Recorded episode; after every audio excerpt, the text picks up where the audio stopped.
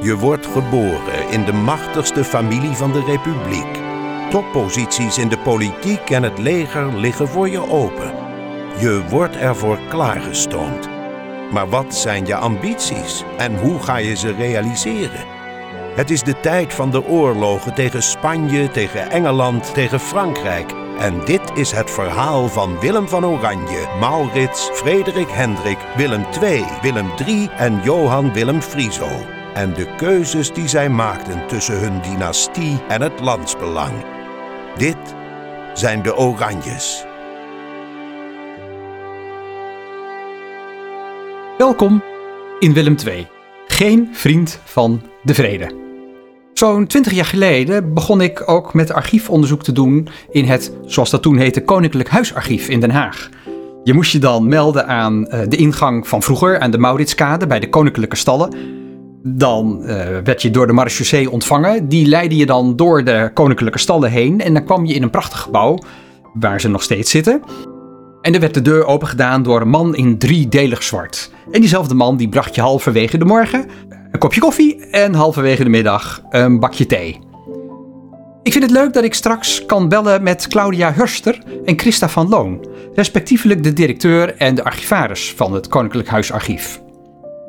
Eerst gaan we nog even terug naar de vorige keer. Frederik Hendrik, de paleizenbouwer, die waande zich al bijna als een soort koning. Hij bouwde het ene paleis na het andere en hij had bedacht dat hij wel stadhouder-generaal wilde worden. Dat betekent stadhouder in alle gewesten. Maar dat mislukte in Friesland. In Friesland zaten de Nassau-Dietsen en die waren daar tamelijk populair. En de Friesen hadden inmiddels Willem Frederik van Nassau-Dietz tot hun stadhouder gekozen en dat bleef ook zo. Willem Frederik had een hoge prijs moeten betalen. Zijn vader was gesneuveld, Ernst Casimir, bij Roermond. En zijn oudere broer, Hendrik Casimir I, was gestorven in Hulst. Frederik Hendrik en Amalia hadden maar één zoon, Willem. Willem II. Hij was knap. Hij had lang golvend haar, doordringende ogen, die van temperament en vastberadenheid getuigden. Anders dan zijn oom Maurits en zijn vader ging hij niet naar de universiteit. Hij leek helemaal geen studiebol.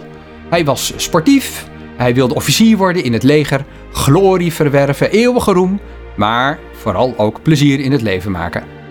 Al op 11-jarige leeftijd mocht hij voor het eerst mee met het staatse leger om het vak te leren. Toch hij verdiepte zich wel degelijk in Caesar en Plutarchus. Toen de kolonel dit zag, smaalde hij. Je kunt beter Rabelais uit je hoofd leren, al die klassieke schrijvers, het is pure pedanterie. Nou, dit stimuleerde hem niet echt. Hij kon goed zwemmen, hij had een renbaan op het strand bij Scheveningen en hij bouwde een manege vlakbij het buitenhof. In het openbaar zag men hem nooit lachen. Maar hij subsidieerde wel de Franse komedie in Amsterdam en Den Haag. Deze voorliefde had hij van zijn vader. Frederik Hendrik over zijn zoon, die was veel minder positief. Hij zei, hij is een jonge jongen die geen klap heeft uitgevoerd. Hij noemde hem spottend Willempie. Zijn ouders hadden hem al jong uitgehuwelijkt aan Mary, dochter van de Engelse koning. In 1641 in de Royal Chapel van Whitehall Palace trouwden ze. Willem II was toen 14 en Mary Tudor was 9 jaar oud. Willem schreef in zijn journaal: Om tien uur s morgens werd ik naar de kapel van de koning gebracht. Nadat alle gezanten binnen waren, kwam, door de Duke of York geleid, de prinses binnen. Toen alles achter de rug was, vertrok ik met de hertog en de prinses en dineerde met de koning en koningin. Om tien uur s avonds bracht de koning mij naar de kamer waar de prinses in bed lag, waar ik mij ontkleedde. Ik bleef een uur in bed in tegenwoordigheid van de koning, koningin en vele dames en heren.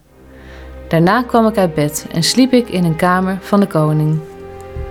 Van huwelijkse daden kon het in die eerste jaren natuurlijk niet komen, want Mary was nog niet volwassen. In 1642 kwam zij naar ons land. Ze was toen tien jaar en werd vergezeld door haar moeder en allerlei bedienden die een jaar lang hier bleven op kosten van Frederik Hendrik. Die kosten liepen enorm op. Een avondje eten op de Prinshof in Leiden kostte 5151 gulden. Een vermogen. Maar ze aten wat af. Drie fazantenpastijen, drie patrijspastijen, zes wildpastijen, zes kalkoenpastijen, twintig dubbele konijnpastijen, twintig hoender- of duivenpastijen, dertig paar roffioelen, enzovoort, enzovoort. Na de dood van Frederik Hendrik in 1647 trokken Willem II en de Friese stadhouder Willem Frederik vaak met elkaar op. Ze konden het uitstekend met elkaar vinden. In deze en volgende aflevering kan ik ook hun stemmen laten horen, want die Willem II was toch wel iets beschaafder dan wordt gedacht. Hij is de eerste van de dynastie die al vanaf jonge leeftijd in het Frans een journaal bijhield. Weliswaar vol van spel- en taalfouten, maar hij deed het dan toch maar. En Willem Frederik de Vries die hield uitvoerige in het Nederlands geschreven dagboeken bij. Hij noemde hem daarin Prins Wilhelm. Dat huwelijk van Willem II en Mary, dat was geen gelukkig huwelijk. De prinses royale, zoals zij werd genoemd, bleek zo ontzettend lelijk dat Willem liever omgang had met andere vrouwen. Uit het dagboek van Willem Frederik. Hoonstein vertelde mij dat de prins deze winter waskaarsjes moest gebruiken vanwege zijn druiper, om door de prikkeling het vocht uit de zweren te laten trekken. Zijn hoogheid had namelijk in Rijnberg een gewone vrouw ontboden en met haar seks gehad. Zijn hoogheid en de hoofdofficieren hebben later bij mij gegeten. Hij was heel vrolijk en plaagde een collega. Na het eten kaarten wij. Ik verloor 4000 gulden en mijn schimmeltje aan prins Willem. Een jaar later met prins Willem in Scheveningen geweest. Met prins Willem op de kaatsbaan gespeeld. Na het eten met prins Willem in de kerk geweest. Met prins Willem naar Honsdijk geweest, daar gegeten en stevig gedronken. Willem II maakte lol in het leger. Hij zong scabreuze liedjes waarin hij de geslachtsdelen in het Latijn placht aan te duiden. Willem Frederik zag wel dat Willem II de kantjes ervan afliep. Hij bleef lang in bed liggen, ging weinig naar de kerk. Dit is, zo zei Willem Frederik, tot zijn nadeel. Franse gezanten die klaagden over zijn voornaamste gebrek is dat hij zich aan niets anders wijdt dan aan grappenmakerij en aan zijn affaires. Maar pas op, want uit onderzoek is gebleken dat Willem Frederik eh, wel doorhad dat eh, moeder Amalia en zoon Willem II soms een spelletje speelden. Ze doen of ze elkaar niet kunnen uitstaan, maar eerst horen ze iemand uit en doen elkaar daarna verslag. Hij ging s'nachts naar het huis van zijn secretaris en, terwijl het volk meende dat hij in het hoerhuis was, schreef hij discreet zijn brieven. Willem verving de oude dienaren, die voor de vrede waren, voor vechtersbazen en hij benoemde vrienden in de stadsbesturen. Dit pakte averechts uit, want hij koos precies de verkeerde mensen. Het respect van de jonge prins is zwak. Hij heeft krediet, nog respect. Willem Frederik hoorde dat Amalia, citaat, heel kwaad was op de koninklijke prinses Mary en haar zoon Willem. Dit waren wel degelijk echte ruzies. En waar die over gingen, is bekend. Het volgt na het interview. Ik bel eerst Claudia Hurster en Christa van Loon. Hey, hallo, met Ronald. Goedemorgen, Ronald. Goedemorgen. Hey, eh, s- even voor de luisteraars. Eh, Kunnen jullie je nog even kort voorstellen? Want dit is voor het eerst eh, tijdens de podcast dat ik met twee mensen tegelijk spreek. Eh, ja, dat kan. Ik ben eh, Christa van Loon en ik ben eh, archivaris bij de Koninklijke Verzamelingen. En mijn naam is Claudia Haaste. Ik ben directeur van de Koninklijke Verzamelingen nu sinds ehm, twee jaar. En werk al twaalf jaar bij de Koninklijke Verzamelingen. Nou, ontzettend leuk dat jullie eh, even tijd vrij willen maken. Ik heb onlangs nog zitten denken, waar is eigenlijk een plek waar je alle oranjes uit de podcasts aantreft? Hè? En toen dacht ik eventjes in mijn onschuld, ja dat is natuurlijk eh, de, de, de koninklijke grafkelder hè, in de Nieuwe Kerk eh, in Delft. Maar toen besefte ik dat Willem III die ligt natuurlijk in Londen en eh, jonge Willem Frieso ligt in Leeuwarden. Dus ja, jullie positie is toch wel uniek, of niet? Nou, dat is eh, grappig dat je dat zegt. Want het leuke is, ik denk dat je gelijk hebt. Het is uniek. Je vindt ze allemaal bij ons. En niet alleen de stadhouders zelf, maar ook hun vrouwen, kinderen en eh, mensen uit hun directe omgeving. Maar het mooie is echt dat ze, terwijl je misschien in Delft de stoffelijke overresten vindt. Nou, bij ons komen ze eigenlijk tot leven. Want het zijn de brieven en de woorden die ze hebben achtergelaten en de persoonlijke objecten die ze in hun omgeving hadden, ja, die vind je in de koninklijke verzamelingen. Ja, zo is dat. Toen ik eh, twintig jaar geleden voor het eerst eh, aan de poort van het archief stond, eh, bij de Koninklijke Stallen, toen heette het volgens mij Koninklijk Huisarchief. Of, of ben ik inmiddels abuis? Nee, helemaal niet. Je hebt helemaal gelijk. En uh, dat heeft vooral daarmee te maken dat toen koningin Emma was het, hè, de tweede vrouw van koning Willem III, zij onder haar auspiciën is het gebouw ontstaan. En op de gevel staat ook Koninklijk Huisarchief en Bibliotheek. En het gebouw noemen wij nog steeds Koninklijk Huisarchief. Maar het dekt de lading niet helemaal voor het bredere publiek, waar we toch zoveel mogelijk proberen ja, zichtbaar te zijn en de dingen die wij mogen beheren te ontsluiten voor het bredere publiek is het veel duidelijker als je de aanduiding geeft koninklijke verzameling. Want dan is in één keer ook duidelijk dat het om kunstcollecties gaat, om historische objecten, maar ook om boeken en een fantastisch archief. Ja, ja onze podcast hè, die begint dan in 1544, op het moment dat Willem van Oranje die erfenis krijgt. Maar ik kan me zo voorstellen, was die familie, die Nassau's, hè, waren die eigenlijk voor 1544 ook? Of hebben jullie bijvoorbeeld uh, nog dingen van ze? Jazeker. Ja. Jullie zeiden net van ja, wij, zijn, wij verzamelen eigenlijk ook kunst en zo. Hè? Dus we, we hebben niet alleen de brieven. Nou heb ik zelf altijd uh, gebruik gemaakt van de brieven van Willem van Oranje en van Friso. Maar hebben jullie bijvoorbeeld ook nog objecten van de Oranjes uit de podcast? Kijk, Natuurlijk is uit de stadhoudelijke tijd iets minder aanwezig dan bijvoorbeeld uit de 19e eeuw. Maar van Nim Willem van Oranje hebben we een prachtig persoonlijk voorwerp wat zijn tafelmes was. Dat zijn objecten die komen echt heel dicht bij de persoon. Als je koningsstadhouder Willem III neemt, dan hebben wij een ja, heel intiem stuk in de verzameling. En dat is het hemd waarin hij is overleden, waar zijn wond in verzorgd werd. Dus met een open arm, zodat ze bij zijn wond konden. En noem maar op. Het brilletje van Emma, kleding, onderscheidingen natuurlijk. Dingen die ook reflecteren wat hun persoonlijke hobby's waren en voorkeuren. Gedraaid amber van eh, Wilhelmina van Pruisen. Dat soort objecten vind je bij ons. Dingen die zo'n familie in de loop der eeuwen bijeenbrengt en bewaart. Ja, ja, ja. Nou is een beetje mijn idee in deze podcast dat die Oranjes, dat is eigenlijk de belangrijkste familie van de Republiek. De intro poneert dat ook duidelijk. Maar kunnen jullie als archivarissen dat nog ergens aan terugzien? Hebben jullie ook het idee dat je bezig bent met de machtigste familie van de Republiek? Jazeker. Persoonlijk als archivaris merk ik dat ook sterk aan de hoeveelheid onderzoeksvragen die nog steeds gesteld worden. En onderzoekers die bij ons langskomen om in deze archieven onderzoek te doen. De stadhouders die hadden natuurlijk in de hele samenleving hun invloed. Ze hadden de staatszaken waar ze bij betrokken waren. Ze hebben militaire carrières gehad. Kerkelijke zaken waren ze soms ook bij betrokken. Er is bijna niks wat je niet kunt bedenken waar mensen onderzoek naar kunnen doen wat te maken heeft met deze belangrijke familie.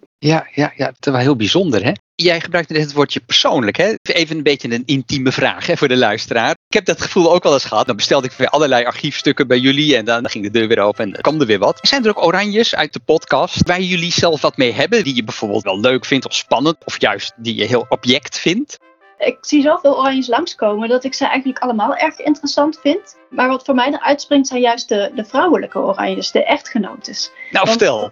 Zij hadden veel meer invloed dan dat we tegenwoordig denken. Zij traden natuurlijk niet zo op de voorgrond zoals vrouwen tegenwoordig kunnen. Maar ze hadden wel veel invloed op de keuzes die bijvoorbeeld werden gemaakt voor kinderen, voor huwelijkspartners. En dat kon erg belangrijk zijn om de positie van de stadhouder te uh, verstevigen. Daarnaast heb je bijvoorbeeld ook Maria Louise, de vrouw van Johan Friso en Willem Friso. Die is zelfs regentes geweest voor haar zoon, stadhouder Willem IV. En later ook nog voor haar kleinzoon Willem V. Dus ze was ook werkelijk in uh, staatsrechtelijke zin van groot belang.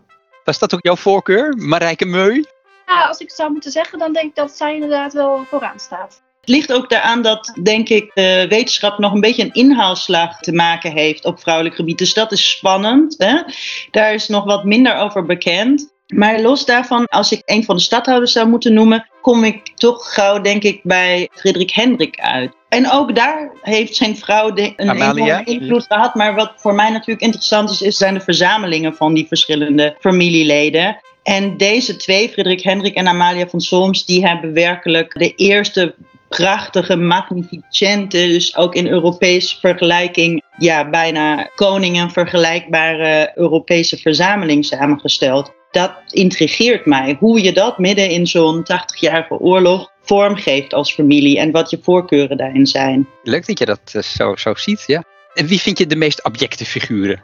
Ja, ik krijg niet zo snel echt een onsympathiek beeld van deze, deze mannen. Ik heb eigenlijk wel respect voor ze, hoe ze ook, ook militair gezien toch een belangrijke rol gespeeld hebben en echt zelf op het slagveld hebben gestaan.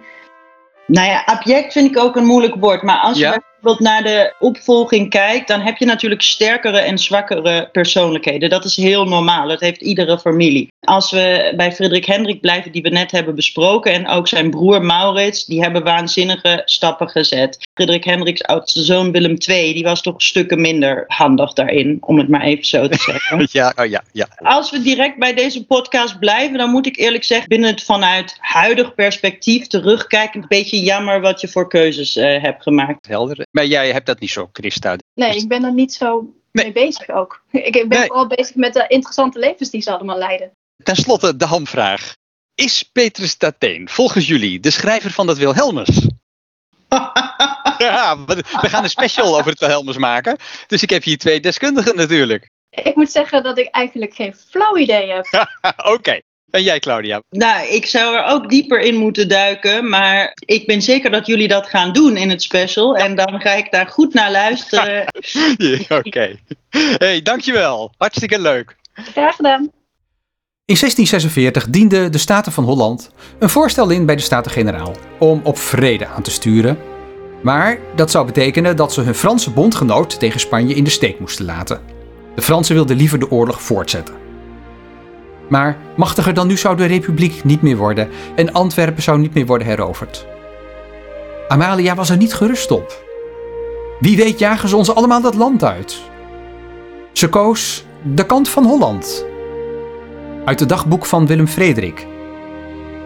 Hare hoogheid Amalia is zeer tot vrede genegen en drijft sterk haar zin door.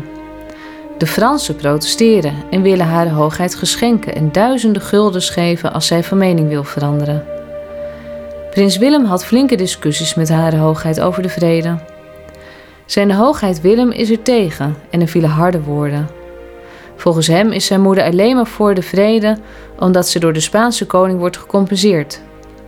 Maar zijn hoogheid zei: Ik kan niet vergeten dat ze mijn grootvader Willem van Oranje hebben vermoord. In 1648 vroegen de Staten-Generaal openlijk de mening van Willem II. De prins schreef in zijn journaal: Ik zei de Staten de Franse belangen in het oog te moeten houden en dat geprobeerd moet worden de Fransen zo ver te krijgen dat ze tegelijk met ons het vredesverdrag ratificeren. Als wij het alleen doen, moet gekeken worden hoe het tegemoet gekomen kan worden aan de Fransen. Kort daarop legden Utrecht en Zeeland zich als laatste gewesten bij de vrede neer. In mei 1648 werd in het raadhuis van Münster de vrede gesloten. Buiten de Fransen om. Diezelfde maand werd Willem 21 jaar oud.